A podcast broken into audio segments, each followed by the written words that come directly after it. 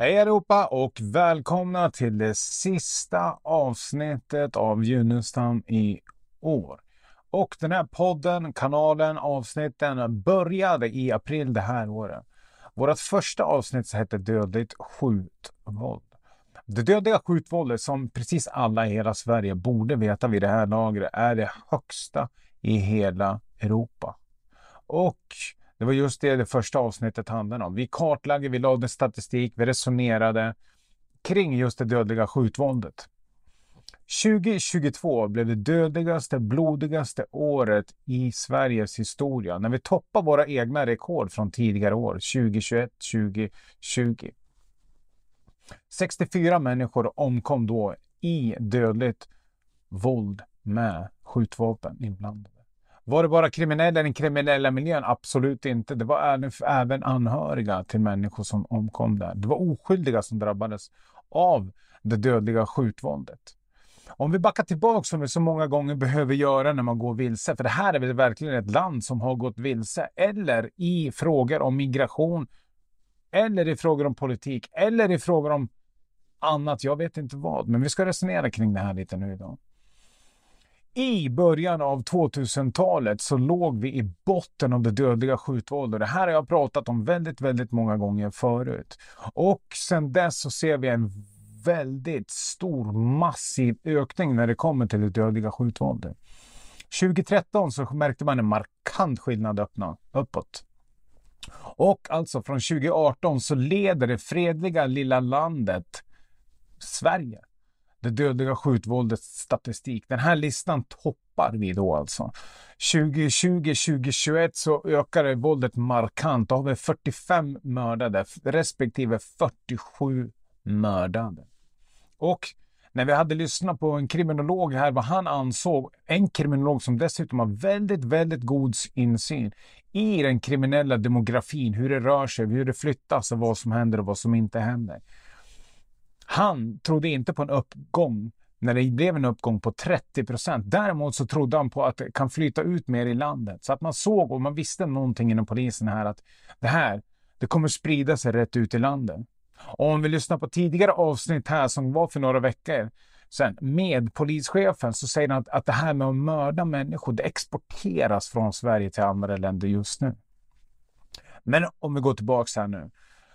Kriminologen uttryckte alltså att han trodde att det kan vara en uppgång på glesbygden i orter som man inte kunde tro och det var det som hände också. Men han kunde inte förutse, eller polisen kunde inte förutse den här eh, lavinartade ökningen som skedde på 30 procent.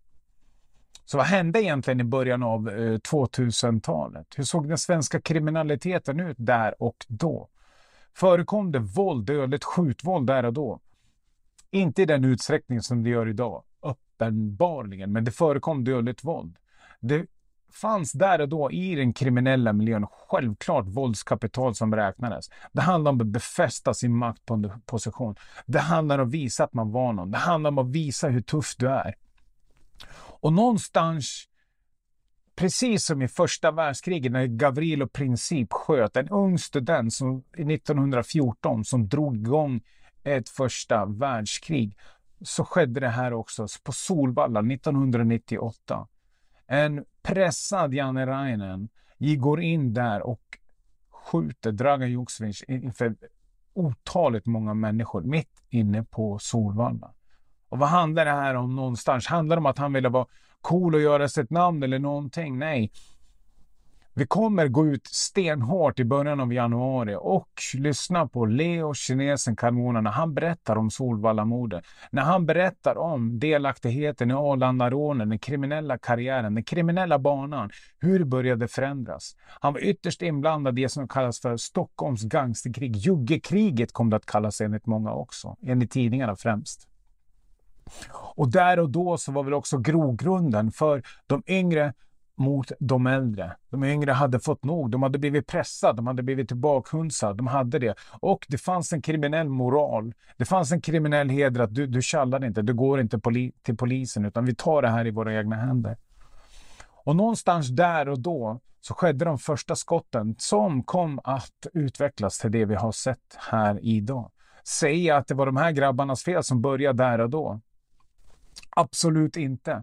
Säga att det här var orsaken till det som sker idag? Absolut inte. Det är inte det grabbarna, det de gjorde i början på 2000-talets fel. Att människor idag, här nu i svenska orterna, skjuter varandra 2023. Det är inte deras fel helt enkelt. Men jag säger att någonstans där så börjar man se ett paradigmskifte inom den kriminella miljön. Man gick helt enkelt från att markera med baseballträ, knivar, gå flera på en eller hota med stryk också, till att begå mord. Och vad händer där och då någonstans när människa blir så pressad och hamnar i den situationen? Våld föder våld. Det är någonstans som vi verkligen har sett. Det är någonstans där det började. Det är någonstans där det började utvecklas. Den kriminella förändringen. Det räckte helt enkelt inte med att markera med baseballträ, utan de hade fått nog. Ofta är de yngre som är tvungna att stå på sig. Det är farligt att tränga in människor i hörn helt enkelt. Människor med makt i den kriminella miljön vill ofta ha mer makt. Sitter jag och svävar iväg när jag säger det här. Vi har gjort en dokumentär som handlar om Pablo Escobar, Medellin-kartellens huvudman. Det fanns också en annan kartell där som hette Cali-kartellen. Båda de här kartellerna gjorde miljarder. Ändå blev det bråk emellan. Så handlar det någonstans om pengarna i det här fallet? Absolut inte. Utan vad handlar det här om? Det handlar om makt. Det handlar om att du ska lyssna på mig, annars händer det här dig. Jag har dragit de här parallellerna med Pablo Escobars utveckling till polischefen i ett avsnitt där jag drar det att man spränger, man går på anhöriga, etc, etc, etc. Och det är väl någonstans det som har börjat skett här i Sverige också. Om vi går tillbaks i början av 2000-talet och kollar på den här statistiken och vad var det vad som hände nu också. Det är att den här ökningen, den lavinartade ökningen uppåt, den följer inte mordstatistiken för Eurostat 27, alltså alla, alla andra EU-länder, utan morden i Sverige går markant upp, fast samtidigt så går morden ner i hela Europa med cirka 30 procent under de här åren. Så demografiskt så kan man väl säga att är det mördarna som flyttar till Sverige? Det här är inte svenskarnas fel med andra ord. Är det rätt att säga så? Eller är det här bara jag som säger att det är så här det såg ut i statistiken? Det är så här det ser ut i statistiken. Ska vi prata om en annan statistik också, så 2010 när Brå gjorde en statistik så kollar man hur många i svenska fängelser som är född med annan etnisk härkomst. 30 procent där och då av de som satt i fängelse hade en annan etnicitet. När endast svenska befolkningen bestod av cirka 7 procent med annan etnicitet. Handlar det här någonstans om att ja, alla som kommer hit, de, de, de, de är kriminella? Eller handlar det här om det som många av de här grabbarna uttrycker i orterna idag, att vi blir trakasserade. De lägger så ner, ner så mycket tid på att sätta fast oss, plantera bevis, plantera allting för att sätta dit oss, för att de vill ha bort oss. Stämmer det här? Är det här sanning eller inte sanning? Jag vet inte. Men jag vet att det här förekommer, de här diskurserna förekommer. Men i någonstans så kan jag tänka så här också, gör man inget kriminellt, ja, men då hamnar man aldrig i fängelse. Det är väl ganska sant det också. Rör man sig inte i kriminella miljöer så riskerar man kanske inte att bli skjuten eller råka ut för någonting. Ja, så var det. Så såg det ut i alla fall. Men vad är det som har hänt i Sverige om någon hade fått den här äh, spåkulan som Svenska Dagbladet frågar kriminologen Sven-Olof Granat i början av 2022, vad han skulle kunna se, eller i början av 2023, när han inte kunde se den här ökningen. Hade någon kunnat förutse, tror ni där ute, att okej, okay, 2023, då kommer sprängningarna öka med 58 procent vi har haft det första dödsfallet i Uppsala, en ung kvinna som omkommer i en sprängning. Hade någon kunnat förutsett det? Hade någon kunnat förutsätta att det skulle florera en dödslista med över hundratals adresser på anhöriga, notera vad jag säger, anhöriga till kriminella eller släktingar, kusiner, svärföräldrar som ska mördas för att de just är släktingar eller anhöriga. Det hade vi ingen kunnat förutse att den här utvecklingen skulle ske. Men den har skett. Och den sker här. Nu i det här talandet stund som man säger så är det 53 människor som har fallit offer för det dödliga skjutvåldet. Året är inte slut än. Vi får se vad det landar på, men just nu, vad vi vet, så är det det näst blodigaste året någonsin. Och notera att sprängningarna har gått upp 58 procent. Kommer det här att utvecklas till nästa år? Kommer det här att gå ner? Jag vet inte, men det enda jag vet är att Kriminaliteten den fortsätter att utvecklas. Kriminaliteten den fortsätter att förändras. Och den förändras inte till något bättre. Det här som fanns för länge sedan, fribrev som anstalter skickar ut till företag. Fribrev handlar kort och gott om att den här organisationen, det här företaget, de får ett fribrev. Det betyder att nej, nej, tjuven backar från det här. Det fanns en kriminell heder i Sverige för länge, länge, länge sedan. Var det fortfarande kriminella människor? Absolut så var det det. Var det fortfarande fel att vara kriminella? Absolut. Men det fanns också en annan heder som styrde. Man går inte på anhöriga. Och vi kommer lyssna till det här avsnittet med kinesen i början av januari, speciellt i del 1 när vi pratar just om våldet mot de anhöriga eller som det är idag, att man mördar varandra för pengar. Eller är det bara så att idag mördar man varandra för kränkningar, enkla kränkningar. Och det är verkligen så det är. Och vad är det som har hänt som gör att de här morden fortsätter? Vad är det mer som har förändrats? Det som också har förändrats är att gangsterrappens intåg har bidragit till att många, många människor har och kommer och fortsätter att kunna tjäna pengar på gangsterlåtar. Och är det säga det att ja, bara för att du gör musik så är, så är du en mördare. Bara för att du gör musik är du kriminell. För att du rappar om det här är du kriminell. Absolut, det är inte det jag säger. Men det jag säger är att de kriminella elementen, den organiserade brottsligheten har bevisligen gjort ett intrång i den här marknaden. Många av de här kriminella aktörerna fick också priser tills det här lades ner. Tills de insåg att okej, okay, vi kan inte dela ut priser till de här som är aktivt kriminella. Drabbade det andra som rappar då? Absolut så gjorde det det. Slog det ner på dem? Absolut så gjorde det. Precis som den här statistiken som jag drog för i början, att mördare skulle flytta hit, att det är en tredjedel som sitter inne i fängelse med annan etnisk härkomst. Bidrar det här till att man drar alla över en och samma kam? Absolut så har det bidragit till det. Så vad handlar det någonstans, någonstans om att göra i de här lägena? Det handlar någonstans om att rannsaka sig själv. Det handlar någonstans om att se saker för vad de är. De där människorna, de är bevisligen mördare. De där människorna ska bevisligen inte förekomma här i samhället med andra människor. Det tycker jag är helt rätt. Sen spelar det ingen roll om det är en alban eller en svensk eller en finsk som jag är. Det spelar faktiskt ingen roll. Den där människan bidrar till som arbetskraftsinvandringen, när alla kom från Balkan och bidrog oerhört mycket. Halva Volvo är väl anställd av Balkanmedlemmar. Eller ja, människor, medborgare från Balkan vill jag säga. Bland annat.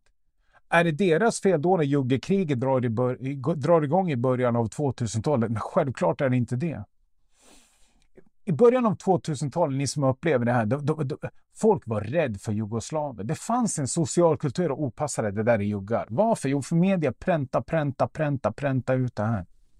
Om att det är farligt. Det finns en väldigt, väldigt belysande och spännande dokumentär om Michael Moore som heter Bowling for Columbine. När han pratar just om medias påverkan på människor och deras rädsla. The black man, it was a black man, it was a black man. Hela tiden projicera ut, projicera ut, projicera ut. Till slut så såg människorna, det blev en massmanipulation som gjorde att människor blev, de blev rädda för svarta. Det, det, det, det är de svartas problem, det är inte vi vita, det är inte vi vita. Så blev det. Och det var så det utvecklades. Har vi samma tendenser i Sverige på något sätt? För att man behöver lära av andra, ta, ta till sig, göra om, göra rätt, allt, allt vad man kan säga däremellan. I Sverige så har media varit väldigt, väldigt flitig på att uttrycka en mening. Och det här har jag pratat med polischefen om, bland annat i mitt liv som kriminalvårdare, i kriminalvårdens teori. Jag kommer att ta upp det här i början av januari med kineserna också. När media går ut med att de säger att endast 26 procent av det dödliga skjutvåldet klaras upp. Där vi har en människa som blir misstänkt, åtalad och fälld för mord. Det är vansinnigt farligt att gå ut med en sån här statistik. Och varför är det vansinnigt farligt? Och menar jag att vi ska mörklägga någonting i Sverige just nu när jag säger så? Absolut inte. Men det jag säger är att för tjuvar, det här räknas bland kriminella, tillfället skapar tjuven. Har ni hört det uttrycket? Självklart är det så. Om vi ser här att du förhandlar att sitta livstid i fängelse. Okej, okay, du har 80 procent enligt statistiken chansen att åka dit på det här. Kommer du att tänka om då? Större chans än om du säger att vet du vad? Det är 20 procents chans bara att du åker dit. Du har 80 procents chans att klara dig från det här mordet. Är det lättare att gambla med det här då? Ja, men självklart så är det det. Och är det det som det handlar om morden? Är det det jag säger? Det är inte det jag säger. Handlar det om att mördarna flyttar hit eller handlar det egentligen om att de inte har blivit insläppt på arbetsmarknaden här i Sverige? Om man ska kolla på den organiserade brottsligheten. Vi har gjort en dokumentär om det här också, organiserade brottslighetens intrång i USA. Så har vi samma statistik där som vi har i Sverige. Italienarna kom till det land of opportunity. De tänkte oh, vad bra, här, här kommer vi få ha det bra, här kommer vi utvecklas, här kommer vi få det bra. Nej, nej. De fick sluskjobben i hamn. De blev inte insläppta i lägenheten. De fick bo i källarvåningen längre ner. Och jag pratar om det här också. Jag har sett de här illegala spelklubbarna i en trappa ner. Det handlar kort och gott om att det var de lägenheterna de fick. De fick källarna, de här, de här lägenheterna som medelklassens amerikaner och även arbetsklassens amerikaner inte ville ha. Där ska ni bo era jävlar. Där ska ni ha det. Ni ska jobba i hamnen, ni ska jobba med slusken, ni ska jobba med det här. Men vad händer där och då? Italienarna, blev de lyckliga över det här? Land of opportunity? Absolut inte. Men vad gjorde de? En del grupp fogade sig. en annan grupp de tänkte, vet du vad, det här. Vi tänker inte vara med om det här. Så vad gjorde de? De började kontrollera importen. Det man inte såg där då, J. Edgar Hoover uttryckte, FBI's chef, att säga det här med maffian, det är inte ens ett problem. De tog över hela USA, mer eller mindre. De ägde hamnarna i New York, världsmetropolen. De fick bara de jobben. De hookade upp med några irländare. De kunde kontrollera importen, de kunde kontrollera transporten. För att amerikanerna, de ville inte köra de här lastbilarna. Det får ni göra åt det. Så de såg helt enkelt till att kunna kontrollera det här. Så nästkommande generation, deras barn, de växte upp i den här miljön. Där de här hade gjort ett slitarbete i den kriminella miljön. Och som ni vet så de här Carlo Gambino, Lucchesi, Genovese, alla de här, det har ju gått i arv. De här kriminella familjerna går i arv. Så de farligaste kriminella i USA, det var en människa som var född i landet med två utrikesfödda föräldrar.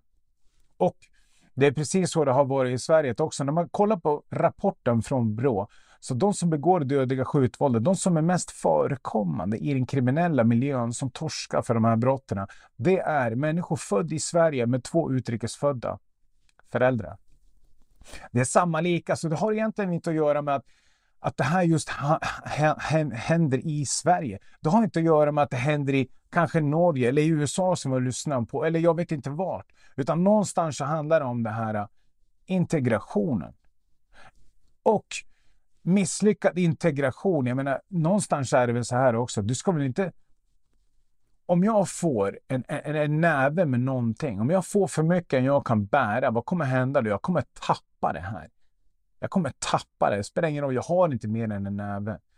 Så kan man inte, klarar man inte av att hålla mer än vad du får i din hand, ja, men då kommer saker att tappas. Det kommer att göra det.